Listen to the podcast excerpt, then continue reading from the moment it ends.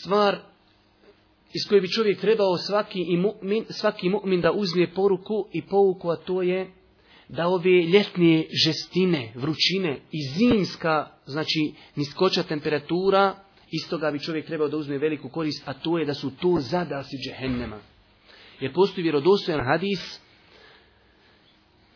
da je se džehennem požalio gospodaru Allahu subhanu wa ta'ala i kaže gospodaru ekele ba'di ba'da Toliko je u džehennemu vruće da je džehennem kazao gospodaru, moji dijelovi sami mene su počeli jesti. Znači džehennem sam sebe jede, toliko u njemu je temperatura žestoka. Kaže pa je Allah Đelšanu džehennemu dozvolio dva puta da uzdahne u toku godine. Jednom ljeti, jednom zimi. Kaže Allah poslanik, onaj ljetni zadah džehennemski, e tu je ono, kaže, najveća temperatura ljeti kad je osjetite. Tu je zadah džehennema. A kaže, onaj zimski zadah, to je, kaže, ona najveća smrzl i zima koju vi osjetite zimus. Tu su riječi Allahog poslanika, alaih salatu wasalam, koji je kazao, kada nastupe velike vrućine, odgodite klanjanje podnje namaza, jer je zaista vrućina koju vi osjetite, to je, kaže, zadah džehennema.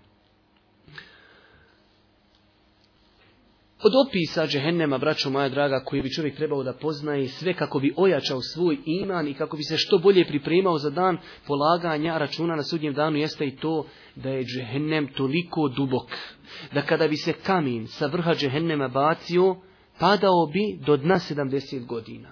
Jedne prilike su ashabi sjedli sa Allahovim poslanikom, alaihi salatu wasalam, pa su začuli neki tup udarac. Kaže Allah poslanik, znate li vi šta je ono? Kažu Allahu poslaniče, ne znamo. Kaže, to je kamen koji je udario od dno džehennema, a bačen je, kaže, sa vrha džehennema prije 70 godina. Toliko je džehennem dubok.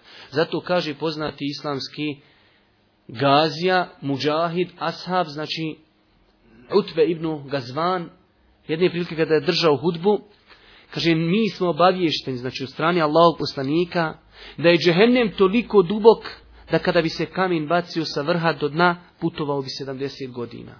Al kaže on, vallahi, napunit će se. Napunit, toliko dubok, ali će se napunit. Al u tom istom hadisu je spomenuo, kaže, širina džennetskih vrata je 40 godina putovanja. Ali kaže, rekao nam je Allah poslanik, doće dan kada će biti na tim vratima gužva toliko velika vrata 40 godina putovanja. Ali kaže doće dan kada će ta vrata biti začepljena gužvom. Tolika će biti velika gužva.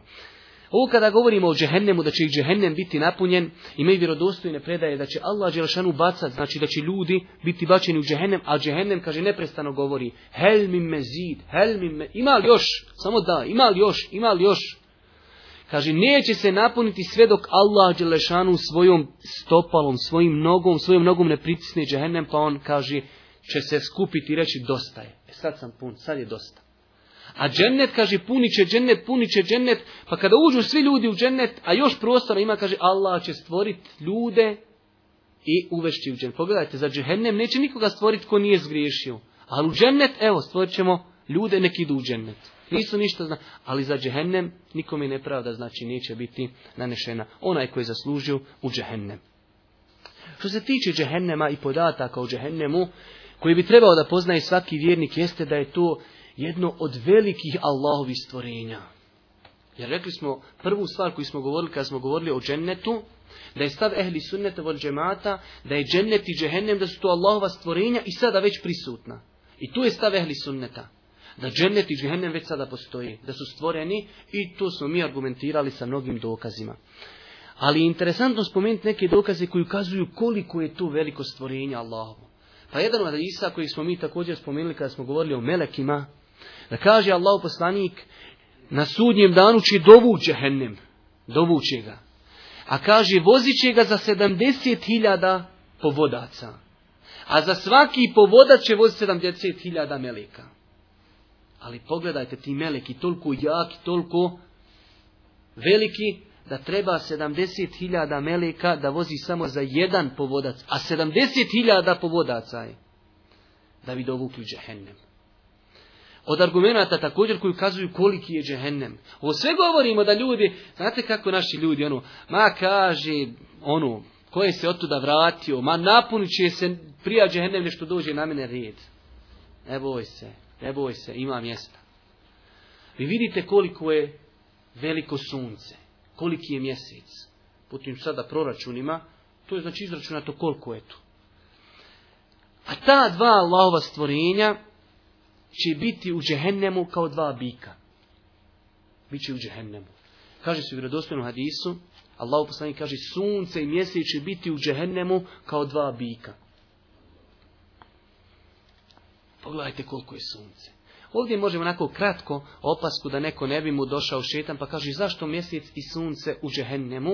Allah Đelšanu nam kaže u suri El Hajj.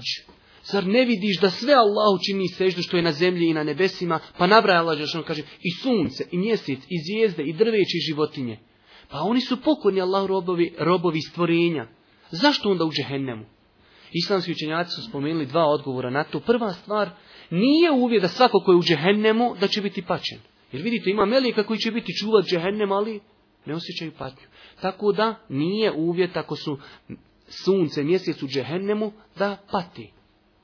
A druga stvar, kao neki učenjaci kažu, Allah će dati da budu u džehennemu, kako oni koji su obožavali sunce i mjesec, shvati da to nisu bila istinska istinska božanstva. U svakom slučaju, znači, Allah Đelešanu nikome nepravdu neće nanijeti.